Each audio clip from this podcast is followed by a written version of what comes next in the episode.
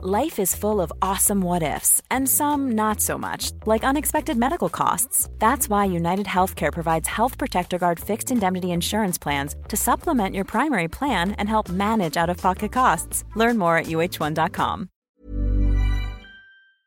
Den här veckan så har vi ett betalt samarbete med Synoptik och deras glasögonabonnemang Synoptik All Inclusive. Ja, det är ett tryggt och bekvämt sätt att ha glasögon där man kan kombinera med eh, solglasögon och linser och där all service ingår som fria glasbyten när din syn förändras, otursskydd om du klantar till det. Ja, vet du vad Måns? Helt sant. Bara i år har jag satt mig på två par glasögon. Då är det här något för dig. Dessutom får du möjlighet att byta ut ett par varje år. Så kan det ju vara lyxigt att ha solglasögon med styrka. Det har jag köpt i år redan ju. Och till och med såna här eh, med dynamiska glas, har du såna då? Nej. Där glasen blir mörka ute i solen Ja. och ljusa när man kommer in. Allt inkluderat i en fast månadskostnad från 90 kronor i månaden. Inga oförutsedda kostnader. Dessutom har de ett erbjudande. Du får alltid 30% på alla glasögon och solglasögon när du tecknar ett Synoptik All Inclusive. Läs mer och boka tid på synoptik.se. Fråga Anders och Måns.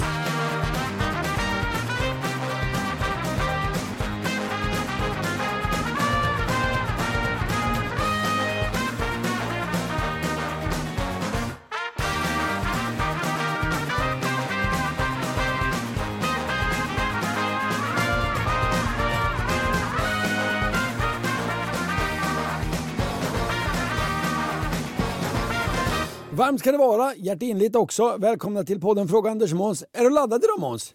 Jag är ganska laddad. Vad skönt. Lagom laddad. Hur tyckte du med min röstnivå att jag verkar? Du verkar övertänd. Ja, jag ska lugna ner mig lite. Vad kul att se dig. Hur är det med dig? Det är ganska bra. Har det hänt något sen vi sågs? Vi har fått post.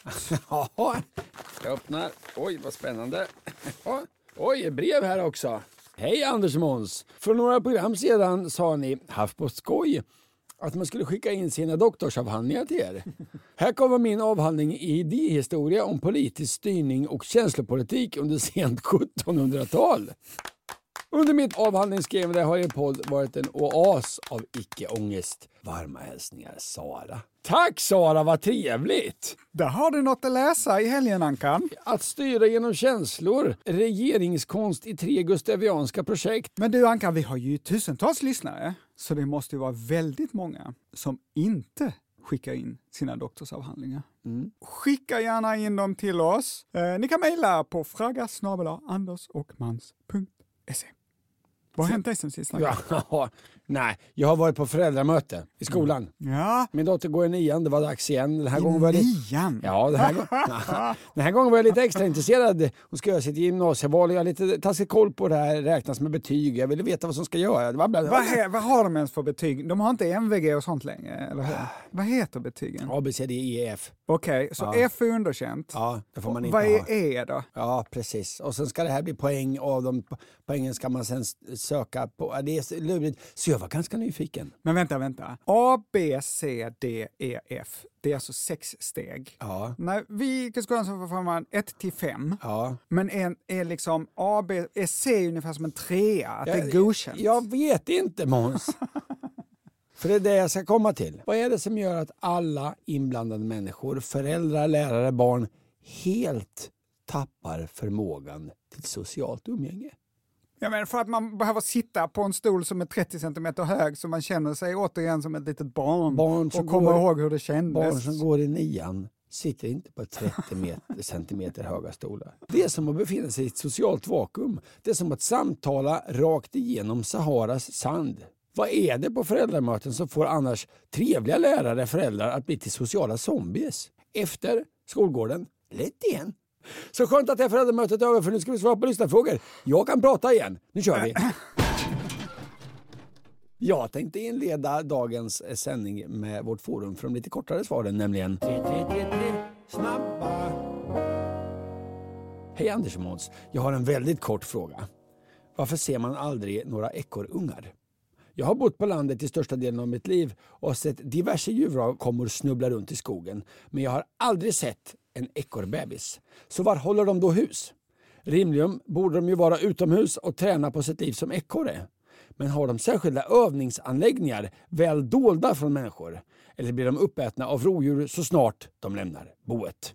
Puss och kram, Malin. Men alla kan ju inte bli uppätna, då hade vi inte haft några stora ekorrar. Nej, det är intressant med ekorrar. Två gånger om året är de liksom aktiva när det kommer till fortplantning. Från december till februari och från maj till juni. Nej men vänta, Ja. födde de unga mitt i vintern? Ja, de är Varför i helvete gör de det? Februari. Varför skulle de föda unga För att mitt... då är de klara när våren kommer i slutet av februari. Klara Ungarna att... ploppa ut i naturen.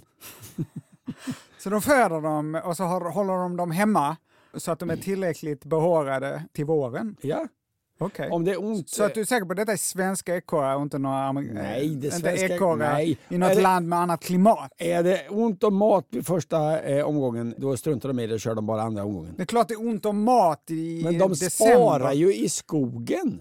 Ja, men de kommer ju aldrig ihåg vad de har gömt. Ja, det gör de. Men två gånger om året och det är då två till sex eh, ekorrungar. Så det, det borde ju snitta ut en, eh, i snitt åtta ekorrungar per ekorrpar då om året. Det borde man ju se, eller hur? Fyra plus fyra. Ja. Vid födseln är de nakna ungarna. Efter två veckor har de päls. Efter fyra veckor öppnar de ögonen. Efter fem veckor är de ute ur boet och leker. De diar i omkring tio veckor. Sen skjuter mamman ur. Nu får det inte vara här mer längre. Så det kan vara så att om man inte ser ekorrungar, för man ser inte skillnad på ekorrungar och ekorrar. De är liksom färdiga ute och kutar. Det där, oh, vilken liten vuxen ekorre, tänker man. det är min gissning i alla fall. Att om man ser en ekorre så ser man inte skillnad om det är en ung ekorre eller en vuxen ekorre. Unga ekorrar är inte särskilt skickliga på att klättra. De kan ofta missbedöma hopp och ramla ner och så. Så att om man ser någon som har ramlat ner, då är det förmodligen en unge. Ska man ingripa? Så här säger Britt-Marie Djup, djurvårdare till Finska Yle. Nej, jag skulle inte ge det rådet. Man ska gå lite längre bort från ungen och vänta och se. Då vågar ekorrhonan gå till ungen och sköta om den så det blir ett lyckligt slut. Men det finns tillfällen där man ska ingripa om man trillat ner en ekorrunge. Vet du hur man ser det Måns? Tänk om de har stött sitt lilla ben och den långa svansen. Haha, svansen är ett riktmärke. Ett bra mått på om en ekorrunge klarar sig, det är just svansen. Om man hittar en ekorrunge som har en smal svans med hår som går liksom längs svansen, då behöver den hjälp. Men har ekorren en yvig svans som liknar en flaskborste, då klarar den sig på egen hand. Okej, detta blir jag ju mycket, mycket nyfiken Ja, på. men det är all fakta. Vad är det? Om eh, svansen Ja. då är smal som en råttas svans ungefär. Och, och håren ligger längs med. Så. Ja. Vad är det då som har hänt? Det vet jag inte. Fråga två. Stämmer det att till exempel dykare och piloter i högre utsträckning får döttrar på grund av att de utsätter sig för tryckskillnader i sitt yrke? Tack för en fantastisk podd, skriver Michelle. Både du och jag har ju bara fått döttrar. Ja, Kan det vara något? att vi har flugit mycket flygplan. Ja, det har vi ju i, i, Så här eller i studio, i radiostudio. att det är det är högt tryck här inne. Ja, ja, att vi har högt medialt tryck på oss och att det har påverkat våra spermier. Så här säger docent Ulrik Kvist från Karolinska sjukhuset till SVT Vetenskap. Det finns teorier om att män som utsätter sig för tryckförändringar som dykare och piloter skulle få skador på den känsliga Y-kromosomen. Därmed skulle de ofta bli fäder till döttrar än andra. För detta finns det inga vetenskapliga bevis. Fråga tre. Jag är väldigt imponerad av Duplantis nya världsrekord. Nah. Gissar att det säkert går att hoppa ännu lite högre. Ja, ja. Men hur långt kan en mänsklig kropp egentligen falla utan att ta skada, även om det är en jättetjock madrass under? Jaha. Rimligen borde väl det vara den stora begränsningen Vadå? i stavhopp. Eller varma hälsningar, Emma. Så hon menar att eh, ingen kommer vilja hoppa så högt i stavhopp att man dör när man landar. Ja, ja. Och, Där att, tror jag hon tänker rätt. och där tror hon att madrassen, vi kan inte konstruera en tillräckligt eh, bra madrass. Ja, men där tror jag hon tänker fel. Som innehavare av Guinness rekordbok Ja. så vet jag att det finns folk som har trillat ut från flygplan och överlevt. För de har landat i en gödselstack eller något. Ja, ja. men jag kan säga Emma, du har fel. Eh, Madrassen är inte begränsningen. 2016 hoppade Luke Aikins från 25 000 fot, alltså det är 7620 meter, från ett flygplan ner i ett nät. Alltså det är världens högsta hopp utan fallskärm. Det rekommenderar jag att man tittar på på Youtube. Jag har Så- sett det. Ja. Han eh, landar besvärande nära kanten på nätet. Ja, ja, ja. det ja, men det är ju det som är svårt. Man hoppar ut från ett flygplan ovanför målen. Att träffa ett nät på marken som är 7600 meter längre ner. Ja, ja. Men om Duplantis då till exempel skulle få upp sig själv typ 7000 meter upp i luften med hjälp av sin pinne, då skulle han kunna landa i ett liknande nät. Så det är inte begränsningen Emma. Nej. Sen har ju vi haft henne uppe tidigare. Vesna Vulkovic Just det. som helt ofrivilligt slagit rekordet i att överleva fritt fall. 72 i januari gick hon på ett flygplan, flight 367, som skulle flyga från Köpenhamn till Zagreb när en bomb exploderade på 10 160 meters höjd. Det var danska separatister från Nolland. Eh, nej. Passagerarna, resten av besättningen dog, slungades ut. Men Vesna låg fastklämd under en matvagn. När vrakdelarna träffade marken dämpades fallet av träd och tjocksnö och hon överlevde. Från hur många meter sa du? 10 160 meter. Wow. Så jag skrev i tidningen Populär Historia. Vesna Vulkovic var kortvarigt paralyserad från höften och ner men med tiden återfick hon rörligheten och kunde gå tillbaks till arbetet. Hon är den person som överlevt det högsta fallet. Men det märkliga i det här är ju att hon återgick till arbetet. Ja, men det kan vara ett sätt att inte sitta hemma och tänka på det där förfärliga som hände. Du menar upp på sadeln igen? Ja, ja, ja. Och för, för övrigt så kommer jag inte ihåg något av vare sig olyckan eller fallet. Hade min arbetsplats sprängts 10 000 meter upp i luften, då skulle jag efter det söka ett annat arbete. Var hon flygvärdinna? Ja. Ja, ja, ja. Mm. Vesna fick eh, pris av din favoritbok, Guinness rekordbok. Det utdelades av ingen mindre än Paul McCartney.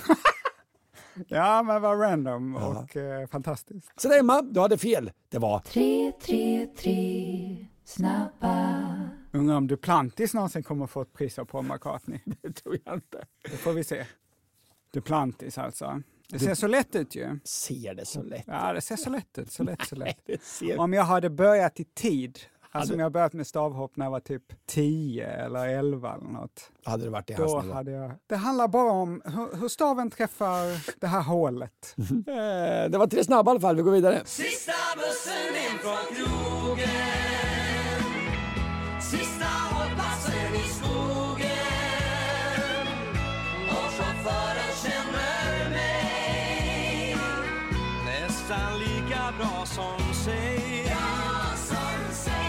För förra veckan fick vi två intressanta frågor från Emma. Om en grannes höna lägger ett ägg på din tomt, vem tillhör ägget? Samt om grannens katt föder en kull kattungar på din tomt, vem tillhör ungarna? Och jag fick inte riktigt rätt på detta, trots att jag ringde till 15 professorer i juridik. Men nu har Peter Strömgren, som är universitetslektor i rättsvetenskap, skrivit till oss. Nej, vad trevligt. Såväl frågan om hönan och ägget som frågan om katten och kattungarna besvaras enligt samma princip. Sedan gammalt anses nämligen regeln vara att den som äger ett föremål blir ägare av föremålets avkastning. Ah. Peter fortsätter. I den juridiska litteraturen har saken beskrivits på följande sätt av professor Östen Undén. Ah. Regelmässigt tillfaller sådan avkastning ägaren av modersaken. Ja, ja, ja, så har man en hanhund eh, så sitter man tajt till. Ursäkta? Ja, men om man eh, har en hanhund som springer iväg och, och, och, och gör sitt med en, eh, en tik någonstans. Ja. Ja, då kan man inte som hanhundsägare komma och säga Hallå där, hälften av de där är mina. Nej. Nej. Modersaken är det det gäller. Peter fortsätter. I sammanhanget ses hönan och katten som modersaker. Ägget och kattungarna ses som avkastning. På vilken plats? Vilket osexigt ord, avkastning. Ja, ja, jag vet. Jag vet. Ja. Det är juridik, det är osexigt alltså. Juridik är inte sexigt. Nej. Nej. På vilken plats ägget och kattungarna uppstår saknar betydelse. Ja. Ägaren av hönan blir alltså ägare av ägget. Då skulle man kunna sprida, om man köper, om man, bara som en, en, en, en, teoretisk tanke. Om jag köper på mig, säg 2000 hönor. Ja, Ja. såklart. Sprider ut dem över Ja, Sverige. skitsmart. Ja, då har jag ägg. Jag har konstant tillgång till gratis ägg. Då kan du bara köra runt om du är ute på turné, gigga. Ja. Vet du vad, jag är i Skövde idag. Jag vet att jag har två, tre ägg som väntar på mig här. Det är praktiskt ju. En liten investering bara, Ja. de där kycklingarna. Ja. Och sen är du självförsörjande på ägg i hela Sverige. När helst eh, du blir lite hungrig. Ja, kanon. Det är lite tips. Men, Ja. men, men, Peter fortsätter här. Aj då. Är det universitetslektorn igen som har skrivit? Ja, han har inte skrivit igen, det är samma brev fortfarande. Han fortsätter. Men om avkastningen uppstår på främmande plats, till exempel på annans tomt, och modersakens ägare inte tar hand om avkastningen, Ja. kan den som hittar avkastningen ibland bli ägare genom att själv ta hand om den. Ja, så menar höns jag nu spritt över landet. Om jag inte tar hand om äggen i Skövde och någon hittar dem, här ligger det ägg. Ingen verkar bry sig. Då missar jag, då är jag inte längre, Då, precis. jag har inte tillgång till mina ägg längre. Nej, då missar du din chans. Då är det de som eh, hittar dem som får dem. Ja, men det är bra. Då har jag bara tillgång till varma ägg. Nylagda. Ja, Hängde du med Ankan? ja jag hänger med. Jag bara konkretiserar ju. Eller något. Så det här var alltså ägg och kattungar. Nu har vi rätt ut det. Ja. Men om en meteor kraschar på jorden då? ja vems är den? Vem har rätt till meteoriten? Vem, vem Det- ställer den här frågan? Jag ställer den här frågan. Ja. Det är ju en ny sak på jorden. Ja. För ingen äger den sedan tidigare, den kommer ju från rymden. Ja. Och den har inte skapats av någon modersak på jorden. Nej. Är den rättmätiga ägaren personen som äger marken på vilken meteoriten landar? Eller är det personen som hittar den? Eller tillfaller den kanske staten Sverige? Vad tror du Anka? Den som äger marken tror jag. Detta har nyligen avgjorts i Uppsala tingsrätt. Jaha. Vid halv elva på kvällen, lördagen den 7 november år 2020, lystes himlen upp över stora delar av Mellansverige. En stor ljusblixt och ett högt muller.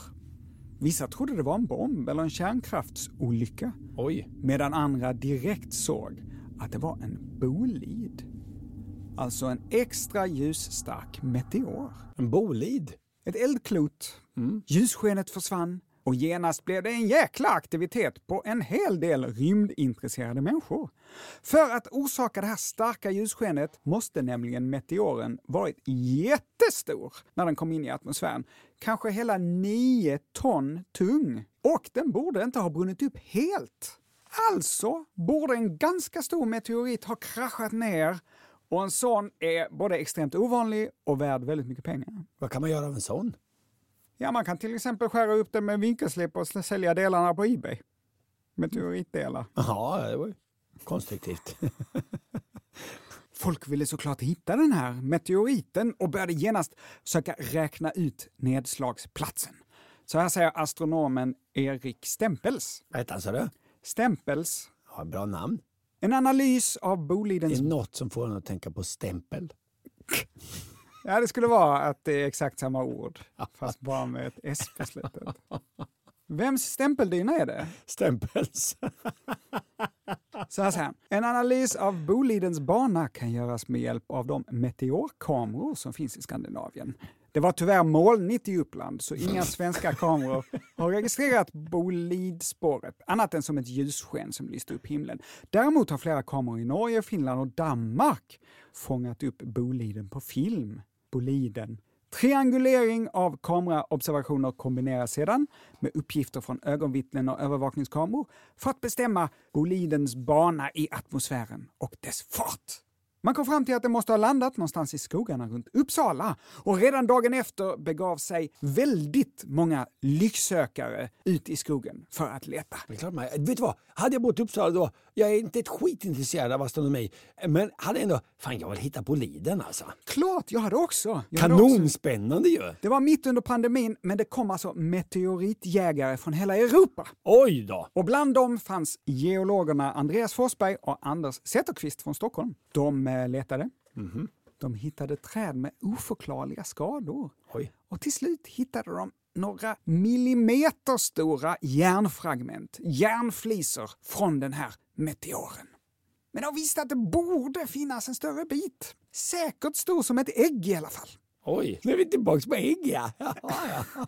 De gick runt i den här enorma skogen i över en månad och letade. Oj, oj, oj, vilken, vilken, vilken, vilken, vilken sån här eh, uthållighet. Ja! Vilken jävla tråkig månad. Men det är klart, det var ju pandemi så det var ju bra. Och de hade ju med sig mackor och, och Det tror jag, hade det kaffe. bra. Och snackade kanske om annat också. Ja, och trägen vinner. Till slut såg Andreas något som glänste under mossan. Han gick fram och petade med en magnetstav Jaha. och hittade en järnbit som var 30 centimeter lång och vägde 14 kilo. Oj då. Så här skriver P1s Ja, stanna, stanna, stanna, stanna, stanna. Och, eh, och så spårar tillbaka så ska vi höra när, när du ska säga 14 kilo och låta engagerad fast du egentligen inte är så imponerad. Där kommer det. och vägde 14 kilo! alltså i många sammanhang så är 14 kilo inte Nej. så himla mycket. Men i vissa är det mycket. Om någon föder en bebis som väger 14 kilo, om någon hittar en meteorit som väger 14 kilo. Ja, eller tänk om det är en ekorre som väger 14 kilo. Ja, det är ju sjukt. Så här skriver P1s Vetenskapsradion. En sån här meteorit har aldrig förr hittats i Sverige. Och det är första gången sedan 50-talet som det dimper ner en rymdsten där vi ser hur den faller.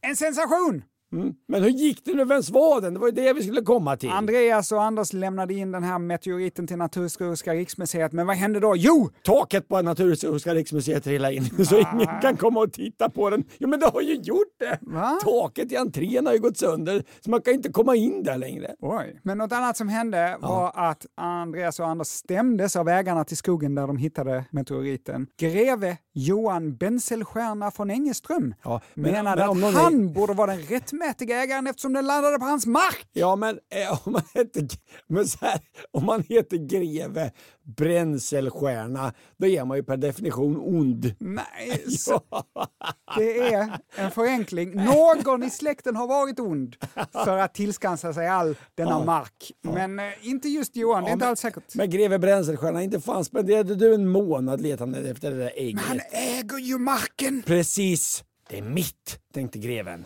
Och du tänkte likadant för några minuter sedan när jag frågade dig vem som ägde den. Då sa du det är den som äger marken. Ja, men jag tänkte generella regeln. Gotcha. Men hade jag varit, Owned hade jag varit, med Danny Saucedo. hade jag varit Ägd. greve Bränselstierna hade jag bjussat Zetterberg och, och kompani Ja, på. lätt att säga Ja. när det inte står en enormt stor meteorit på spel. Ja, ja. Vem som hade rätt var långt ifrån självklart. Så här skriver lokaltidningen Enköping Bålsta. Det här har varit ett mycket ovanligt rättsfall. Det finns i Sverige ingen särskild lagstiftning gällande meteoriter. Nej. Rättegången tog två år och strax innan jul förra året så kom tingsrättens dom. Så här skriver Uppsala tingsrätt i ett pressmeddelande. När meteoriten hittades var den inte en del av fastigheten den låg på utan lös egendom utan någon ägare. För att någon ska bli ägare till lös egendom som inte har någon ägare krävs att egendomen tas i besittning.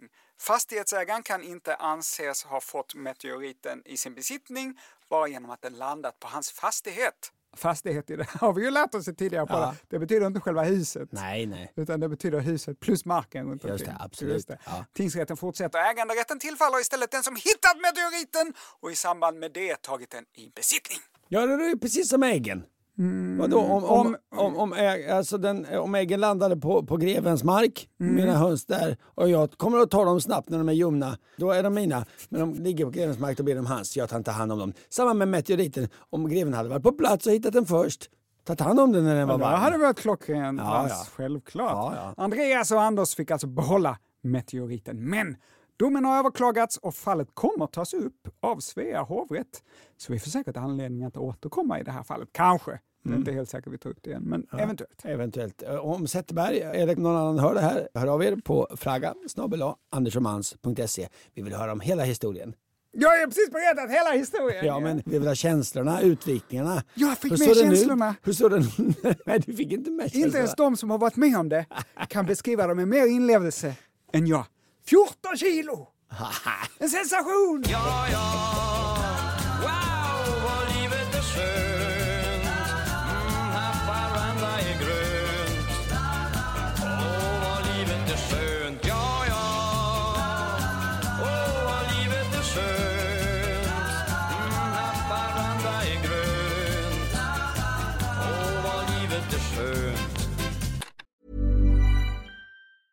Quality sleep is essential. That's why the Sleep Number Smart Bed is designed for your ever evolving sleep needs. Need a bed that's firmer or softer on either side? Helps you sleep at a comfortable temperature? Sleep Number Smart Beds let you individualize your comfort so you sleep better together. JD Power ranks Sleep Number number 1 in customer satisfaction with mattresses purchased in-store. And now, save 50% on the Sleep Number limited edition Smart Bed for a limited time. For JD Power 2023 award information, visit jdpower.com/awards. Only at a Sleep Number store or sleepnumber.com. Hiring for your small business? If you're not looking for professionals on LinkedIn, you're looking in the wrong place. That's like looking for your car keys in a fish tank. LinkedIn helps you hire professionals you can't find anywhere else, even those who aren't actively searching for a new job but might be open to the perfect role. In a given month, over 70% of LinkedIn users don't even visit other leading job sites. So start looking in the right place. With LinkedIn, you can hire professionals like a professional. Post your free job on linkedin.com/people slash people today. Wow. Nice. Yeah. What you're hearing are the sounds of people everywhere putting on Bombas socks, underwear, and t-shirts made from absurdly soft materials that feel like plush clouds.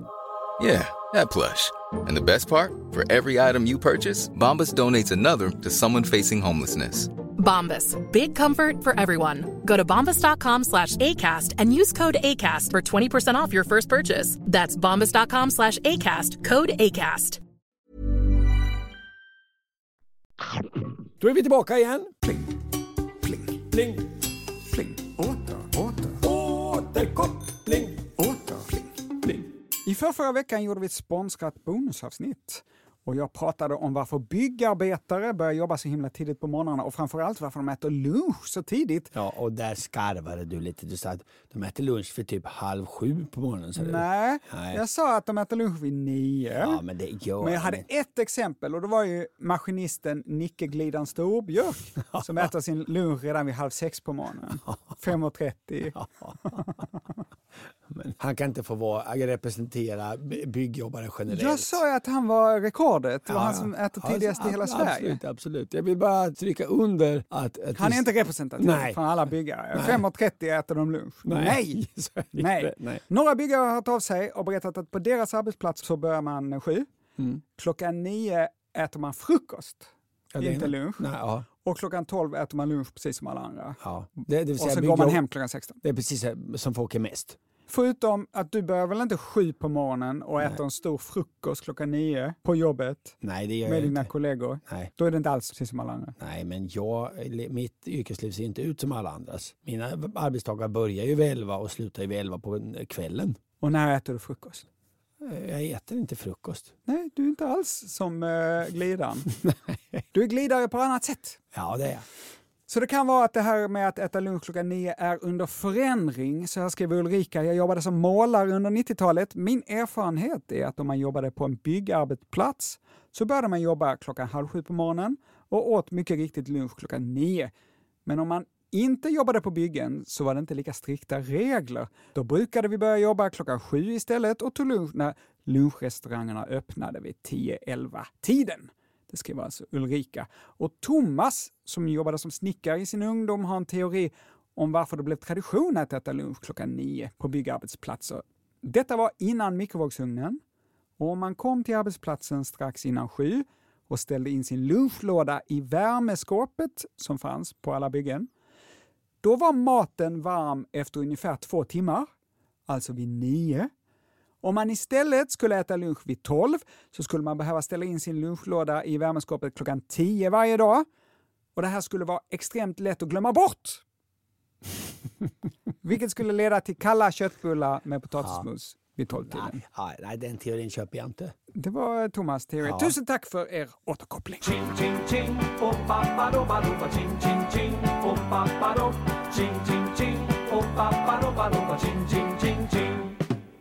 Nästa fråga kommer från Viktor. Hej Anders och Måns. Jag gifte mig nyligen. Grattis Viktor. Och mina elever på mellanstadiet var nyfikna på min vigselring. Efter diverse nyfikna frågor kom frågan när började man med det? Jobbig känsla som lärare att inte kunna ge eleverna svar då de tenderar att tro att man kan allt. När började traditionen med vigselring? Tack eh, och tusen tack för en bra podd, Viktor.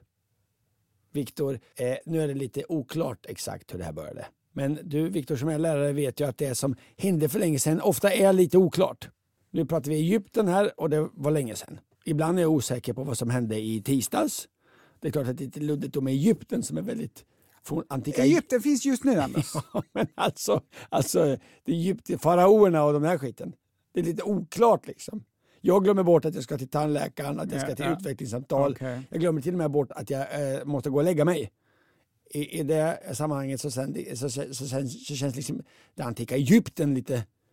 Ja, så det ska vi ha med oss när jag pratar om förlovnings och vigselringens historia. Förlovningsringen är förmodligen en flera tusen år gammal sed som härstammar från Medelhavet där ringar bars som tecken på ingångna avtal.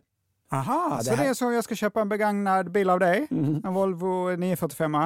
Då kan jag få en ring, en guldring av dig. Och så ska jag ha den.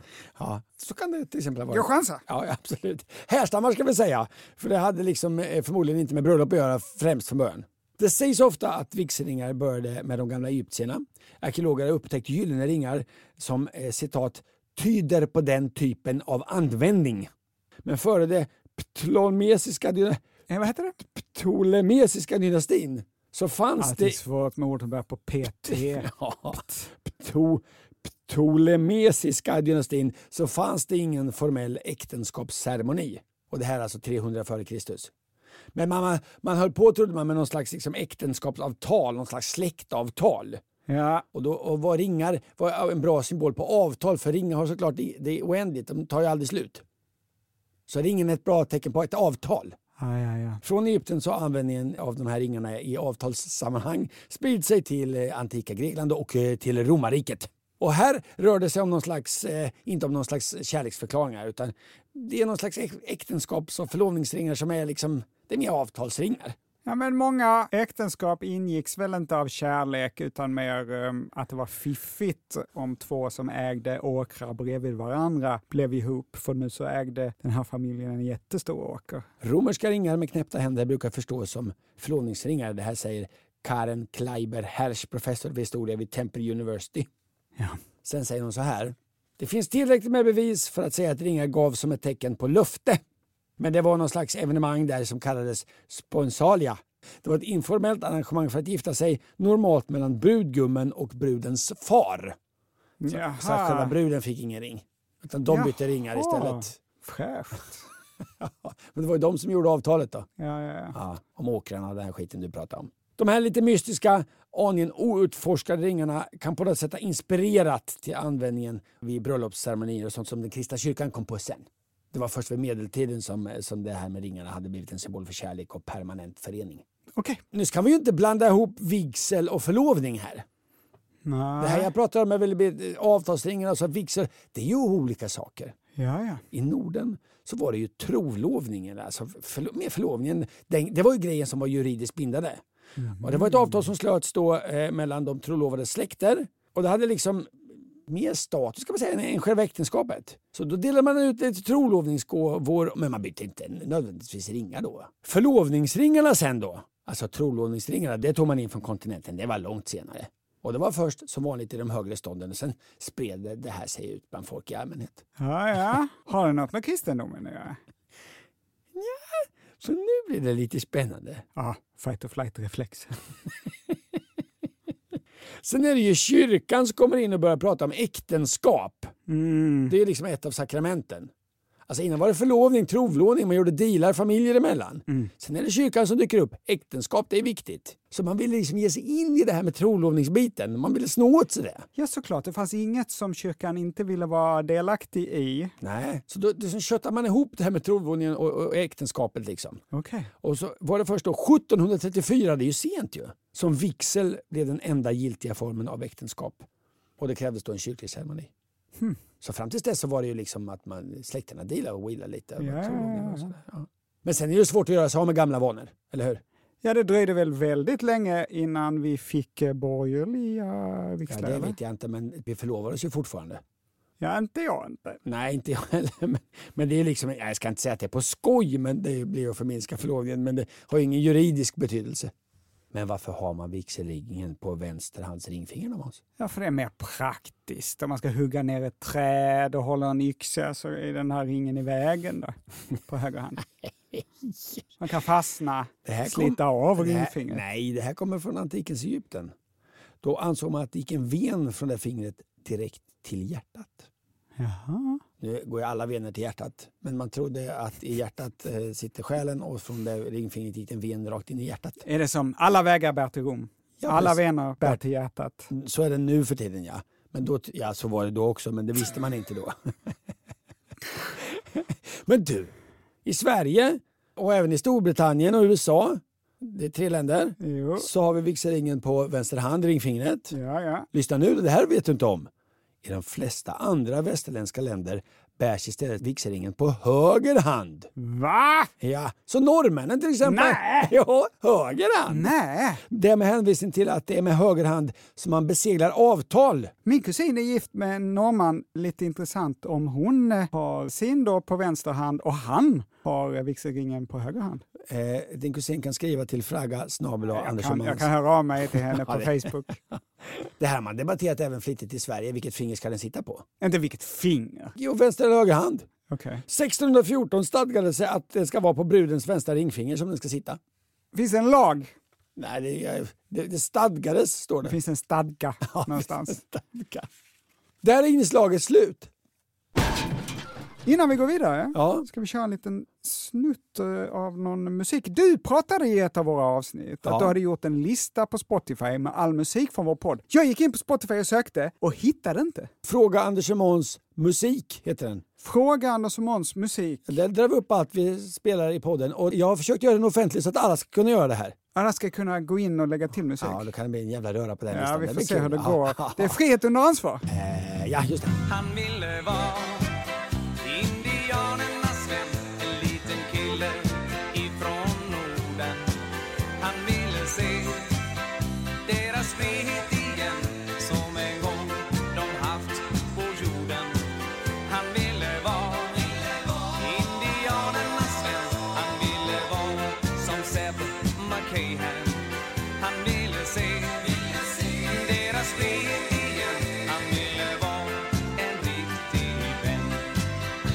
Vad ska vi få lära oss nu? Jo, det är ja. det är i alla fall Staffan som har skickat en fråga till oss. Ja. Hej! Eh, Staffan, eh, Staffan, eh, eh, Nej, inte han med långt hår som spelade handboll. Och inte heller han Staffan Bengtsson som gjorde något K-märkt på SVT med lite, lite Hitlermustasch fast under läpparna. ja, inte han som jobbar med hästar kring jul. Förlåt? Stalledrängen. Aha! Ja, nej. Nej, jag vet inte vilken Staffan det är. Finns det någon som heter Staffan Hellborg som spelar bas också? va? Just det, Kan det vara han? det kan det vara. Han stavar med T och två F. Jaha. Trams, trams, trams. Jag tar brevet från början. Hej! Varför finns det inte kaffepåsar på samma sätt som tepåsar? En liten påse med portionsförpackade, grovt malda kaffebönor som doppas fem minuter i en kopp rykande hett vatten. Det har jag aldrig sett. Vänligen Staffan. Men det har ju du sett Måns. Det har vi ju pratat om förr. Du har ju varit- för fan varit försäljningsansvarig i Asien för kaffepåsen tillverkad i Eslöv. Kom igen! Obs, obs, obs! Jag pratar sanning. Ja, du förenklar lite och överdriver lite. Men, men i grund och botten är det Jag sant skrev, jag skrev ett manus till en sitcom. Då stal jag din story om kaffepåsen. Men det har aldrig blivit inspelat och utgivet. Ja, det här har jag berättat i något radioprogram någon gång, men eh, jag gör ju en hel del konferencier och moderatorsjobb. Och år 2007 så blev jag tillfrågad om jag ville hålla i invigningen av en fabrik i Eslöv. Det tackar jag såklart ja till. Ja. Och då frågade de om jag kunde tänka mig att istället för att få pengar, få aktier i företaget. Och då tänkte jag så här, innan jag svarar ja, så ska jag fråga vad de, vad de sysslar med. Så då frågar jag, vad, vad sysslar ni med? Smart va? Så jag inte råkar bli delägare i AB Skumraskaffärer eller Nej, nej, nej. Internationella Engelska Skolan. Mannen som var finlandssvensk svarade så här, vi gör tepåsar fast med kaffe i. ja, genialt. Då sa jag, det här är ju en genialisk idé. Varför har ingen tänkt på det här tidigare? Kör i vind. Ja. Jag höll i invigningen och där var politiker och ambassadörer och näringslivsfolk. Kalle Linds mamma höll tal. Ja. Vid den här tiden var hon Eslövs starka kvinna. Ja. Och mycket riktigt, fabriken tillverkade kaffepåsar. Mm. Men de var rätt mycket större än vanliga tepåsar så de såg mer ut som kaffebollar. Mm, kaffebollar i snöre. Och den relativa likheten med tepåsen var kanske till kaffebollens nackdel. För om man tog ut påsen ur kaffekoppen efter två, tre minuter, som man brukar göra med en tepåse, Mm. så smakade kaffet riktigt illa. Mhm. dålig, dålig, dålig påse. Ja. Om man å andra sidan lät den ligga kvar i hela fem minuter så blev kaffet jättegott. Men kallt. Mm. Fabriken var en enorm satsning och väldigt snabbt gick allt åt helvete. Folk var inte redo för kaffebollen. Nej. Den placerades ut på hotellrum, men utan att någon stod bredvid och berättade bollen måste ligga i, i fem minuter. Nej. Så gjorde de flesta hotellgäster fel. Var på kaffet smakade illa. skrivit det på den lilla gjorde, de skrev det såklart på lappen ju. Men folk läser inte. Läser du alltid bak på tepåsar? Varje gång du ska göra te med en tepåse, står du då och läser det finstilta på tepåsen? nej, men jag hade aldrig sett en tepåse. Ja. Och den dök upp i mitt, då skulle jag säga, hur fan gör man med det här? Så gör inte folk. Nej. De bara dunkade ner den i koppen. Ja, för kort tid. Utvärderingarna var brutala och ganska snart så stod det klart. Kaffebollen var ett fiasko. För att sammanfatta, brevskrivaren Staffan, kaffepåsar har funnits och finns faktiskt, men kommer antagligen aldrig slå igenom av ett antal anledningar. 1. Kaffebranschen är konservativ och gillar inte nya idéer. 2. Av någon anledning så krävs det då väldigt mycket kaffe i varje påse, så de blir rätt mycket större. Och 3. Framförallt, jag måste lägga i det varma vattnet så länge att vattnet nästan blir kallt. Och vem vill ha kallt kaffe? Ingen. Vi rundar av med de här kloka orden. Ska ni lyckas i affärer, gör inte som Måns Nilsson. Däremot så ska ni lyssna på oss nästa vecka för då är vi tillbaka med ett nytt Fråga Anders Måns. Till dess, ha det så bra. Skriv frågor till Fraggas. Ha det så bra. Puss och kram.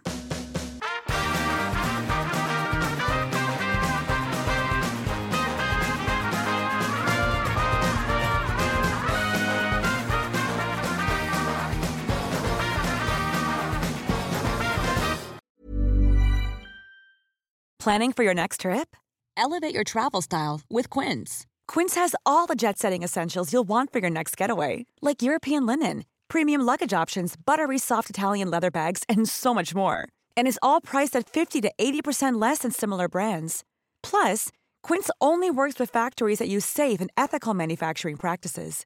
Pack your bags with high-quality essentials you'll be wearing for vacations to come with Quince. Go to quince.com/pack for free shipping and 365-day returns. Mom deserves the best, and there's no better place to shop for Mother's Day than Whole Foods Market. They're your destination for unbeatable savings, from premium gifts to show-stopping flowers and irresistible desserts. Start by saving 33% with Prime on all body care and candles. Then get a 15-stem bunch of tulips for just $9.99 each with Prime. Round out Mom's menu with festive rosé, irresistible berry chantilly cake, and more special treats. Come celebrate Mother's Day at Whole Foods Market.